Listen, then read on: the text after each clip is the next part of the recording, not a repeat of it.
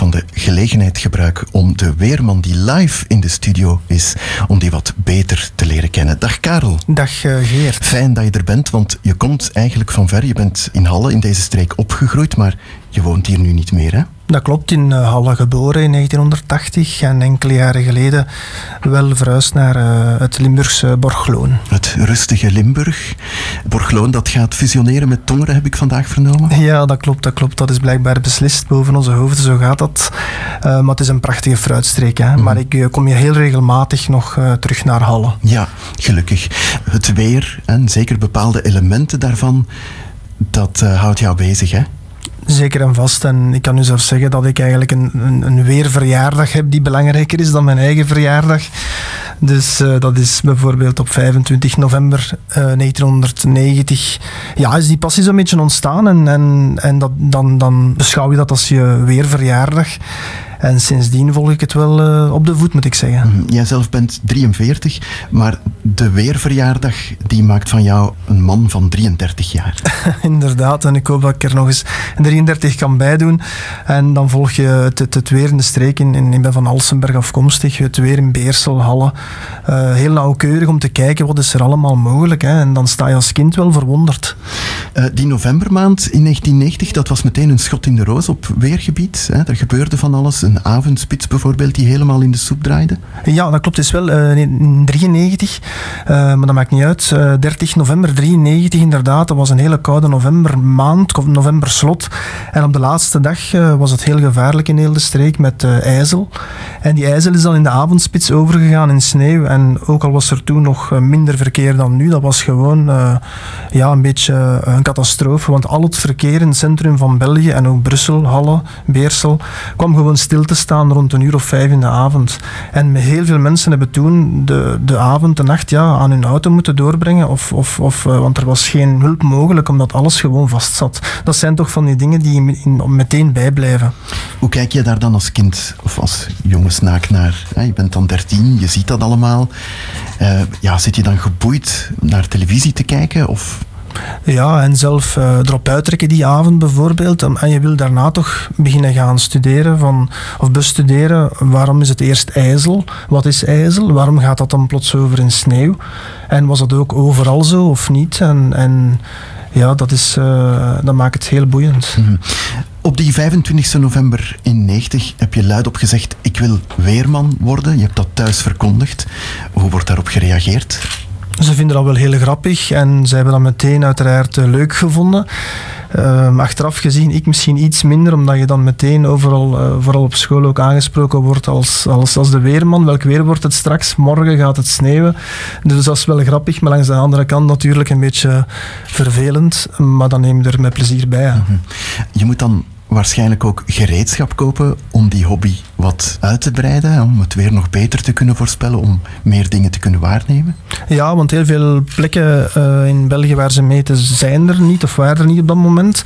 Natuurlijk de belangrijkste plek dan in Ukkel, ja, dat is maar op 7 kilometer van Alsenberg. Die, dat is uh, het hoofdstation van ons land, dus daar ging dan ook regelmatig naartoe om informatie te vergaren.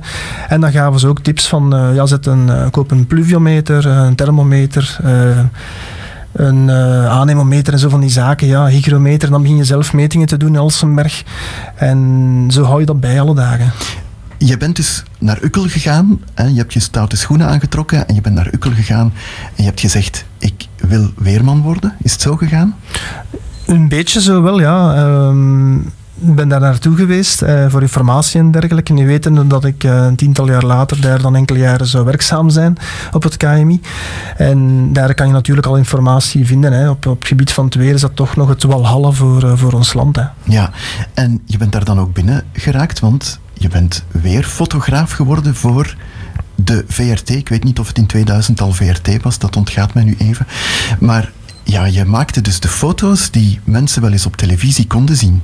Ja, dat is het leuke aan de hobby, dat je ook um, het weer kan vastleggen. Uh, vroeger was het dan vooral nog in fotografie. Hè. ik ken een beetje Frank de Bozere, uh, heb ik een paar keer ontmoet. En als hij dan in 1999 met weerfoto's zijn begonnen in het Weerbericht, heb ik gewoon mij direct aangemeld en mocht ik meedoen met een vast clubje weerfotografen. En dat was heel leuk, want dan kan je heel mooi de streken ook eventjes in een beeld brengen op de achtergrond. En zo heb ik heel veel foto's van Halle, uh, Alsenberg, Dorp en zo gemaakt toen. Um, en tot vorig jaar ben ik dat blijven doen. In het begin was het wel een, een vast clubje, maar achteraf is het dan, uh, mocht iedereen foto's doorsturen. En, uh, maar dat was een hele leuke bezigheid. Ja. En wat zijn zo de mooiste weerfoto's die jij gemaakt hebt? Ik denk toch wel het meest van, van sneeuwlandschappen bijvoorbeeld. Of ook van de zware overstromingen um, van 24 augustus 2002 in heel Beersel. Dat is meer dan 20 jaar geleden. Maar toen heeft Frank daar ook nog extra informatie bijgevoegd van mijn waarnemingen. Ik heb toen uitzonderlijk veel neerslag gemeten bijvoorbeeld. Dus dat is dan wel tof dat er ook af en toe een uitbreiding mogelijk was in het weerbericht. We gaan het straks nog hebben over de opwarming van de aarde sneeuwlandschappen, het is goed dat je dat hebt vastgelegd, want we gaan dat niet te vaak meer tegenkomen, denk ik. Nee, dat wordt minder en minder. Ik denk uh, dat je elke sneeuwdag nu extra moet van profiteren, omdat het veel zeldzamer wordt. Uh, bijvoorbeeld met Sinterklaas uh, 1998 lag er tot 25 centimeter sneeuw in Alsenberg. Ja, dat, is, dat zijn van die events dat al veel minder gaan voorkomen. Dat is wel jammer inderdaad. Van Babylon naar Bombay in India is het 3194 kilometer en de teller staat intussen boven de 9000 kilometer. Uh, Karel, het weer in Bombay? Ja, dat is uh, 37 graden, hele hoge vochtigheid, zonnig weer. Wat betekent dat het heel ondraaglijk is voor uh, de mensen daar. Ja, hoe kan je daar toch in leven? Hè? Want je had mij zoiets verteld over de natte bol, als ik het me goed herinner. Ja, dat is een bepaalde temperatuur die je aanvoelt uh, op een nat oppervlak bij een bepaalde temperatuur in, in, in, de lucht. En als dat boven 35 graden is, dan is dat gewoon ondraaglijk door die hele hoge vochtigheid. -hmm. We gaan het hebben over je passie, Karel. Je hebt een netwerk van weerstations, een, een dertigtal. Dat, klopt. Waar, waar, staan die zo allemaal? Dat is een project die ik doe. Ik uh, onderzoek het microklimaat uh, in dolinen en, en, duinpannen in speciale gebieden. En daarvoor heb ik nu een dertigtal stations, vooral langs de Belgische, uh, Nederlandse kust en de Deense kust ook. Ja. ja, ik zie hier ook dat jij op zoek bent naar de koudste plekken. Dat je eigenlijk een, een soort vrieskoujager bent. Ja, dat is grappig en dat is een, een, vreemd woord misschien. Vroeger was ik eerlijk gezegd was ik tornadojager. En in de loop der jaren is dan, ben ik dan vrieskoujager geworden door een keer in de Ardennen te lopen in een koude winter en, op zoek te gaan naar het hoe en het waarom van die koude plekken. En daarom ben ik specifiek uh, erachter gekomen dat het bijvoorbeeld in de duinen aan onze Belgische kust heel, heel koud kan zijn. Ja, ik zie uh, komvormige plekken of uh, landschappen, dat, dat mag je even uitleggen. Want je zegt het, het zeewater of langs de kust kan het 16 graden zijn en 300 meter verder ja, een heel stuk koeler. Ja, dat klopt. Die komvormen, dat is iets heel eigen en typisch. Dat die koude lucht is zwaarder dan warme lucht, dus die zakt naar het laagste punt. En als je dan landschappen hebt waar het een beetje uh, naar beneden gaat en waar de lucht kan blijven hangen, blijven zitten, ja, dan wordt het extreem koud. En zo, die gebieden hebben we vooral in de duinen. Niet alleen aan onze kust, maar ook in, in, in Limburg, in Oudsbergen, heb je zo van die uh, speciale duinpannen.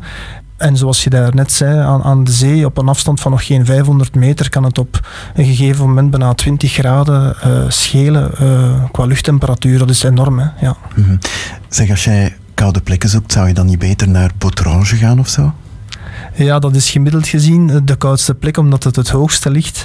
Maar daar is veel te veel windmenging bijvoorbeeld. Dus je moet echt in die valleien gaan uh, om te gaan zoeken naar, naar die specifieke plaatsen. En bijvoorbeeld uh, hier in onze streek hebben we een heel prachtig voorbeeld. Dat is in, uh, in Kester, in, aan Hoftermolke in die vallei. Dat is bijvoorbeeld in het Pajottenlandse landschap een van de koudste plekken. daar kan het ja, bijna het hele jaar door vriezen, want ik heb een meting gedaan op 3 juli 2011. dat was dus begin juli al en het was allemaal spierwit uh, bevroren tot min 5 graden op het gras. Dus zo zie je maar dat er ook ja, op andere plekken dan de duinen uh, in Vlaanderen dat het heel koud kan worden. Dus zelfs in de zomer kan het gewoon bij ons vriezen? Ja, dat zal misschien veel mensen uh, verwonderen. Maar um, dat is perfect mogelijk. Ook, ook in die duinpannen kan het het hele jaar door gewoon vriezen. Mm -hmm. Er zijn natuurlijk nog koude plekken in de wereld. Vooral ook plaatsen waar je dat niet meteen verwacht dat het zo koud kan zijn. Ja, dat klopt. als ik op zoek ben gegaan naar nog van die plekken een beetje verder weg, ben ik ook uh, metingen gaan doen in Spanje, uh, in Roemenië bijvoorbeeld, maar ook uh, op Tenerife, hè, dus een Spaans eiland. En daar heb je de tijden, een mooie vulkaan, maar uh, op die flanken van de, van de vulkaan kan het uh, winters tot wel uh, min 20, min 22 graden worden. Terwijl als je gewoon de berg afrijdt, zit je daar in het tropische klimaat van Tenerife. Dus dat is wel heel, heel apart, ja. Min 20 in Tenerife, terwijl wij, of in Nederland, met moeite nog een Elfstedentocht kan worden georganiseerd? Ja, al blijf ik toch de believer van dat het nog één keer zal voorkomen. Ik denk het klimaat verandert, maar ik denk de komende vijf tot tien jaar, als alles nog eens mooi samenvalt, dus de ideale weerkaarten daarvoor zeggen we dan, hè, met een krachtig hoge drukgebied en een heel koud vriesweer, dan is het volgens mij nog één keer mogelijk. En waarom binnen die eerste tien jaar? Omdat in die geleidelijke opwarming gaan we zelfs later met ideale kaarten en lucht vanuit Rusland en zo niet meer aan die norm geraken om aan een toch te voldoen. Over de opwarming van de aarde is natuurlijk al heel veel gezegd geweest. We gaan er één elementje uitpikken. Uh, dat is de permafrost. Mag je even uitleggen en ook wat de gevolgen daarvan zijn? Ja, we zien nu al een beetje in, in, in die gebieden in Siberië en in Rusland dat de bevroren ondergrond stilaan ontdooit. Je ziet dat aan de gebouwen die daar beginnen te barsten en dergelijke. Maar wat veel mensen niet weten is als het nog iets warmer wordt, ja, gaat dat allemaal beginnen smelten. En dat is, ik zal het zo maar noemen, een smeltkroes van, van uh, slechte broeikasgassen die ook in de grond zitten. Die komen dan naar boven, die komen vrij. Niet alleen eh, CO um, bijvoorbeeld, niet alleen koolstof, maar ook methaan. Methaan is nog 30 keer of 40 keer erger dan uh, koolstof. Dus als dat nog eens allemaal in de lucht gedumpt wordt, zal ik maar zeggen, gaat het alleen nog maar sneller. Dus dat is geen goede zijn geen goede vooruitzichten. Karel, mag ik jou hartelijk danken voor uh, een inkijk in jouw weerleven. Uh, wij gaan voor de laatste plaat naar Melbourne. Melbourne Mambo. Het weer in, Mel in Melbourne? 19 graden en bewolkt. Het wordt steeds wat menselijker. Hè? Karel, tot een volgende keer, volgende week. Tot Hopelijk met beter weer.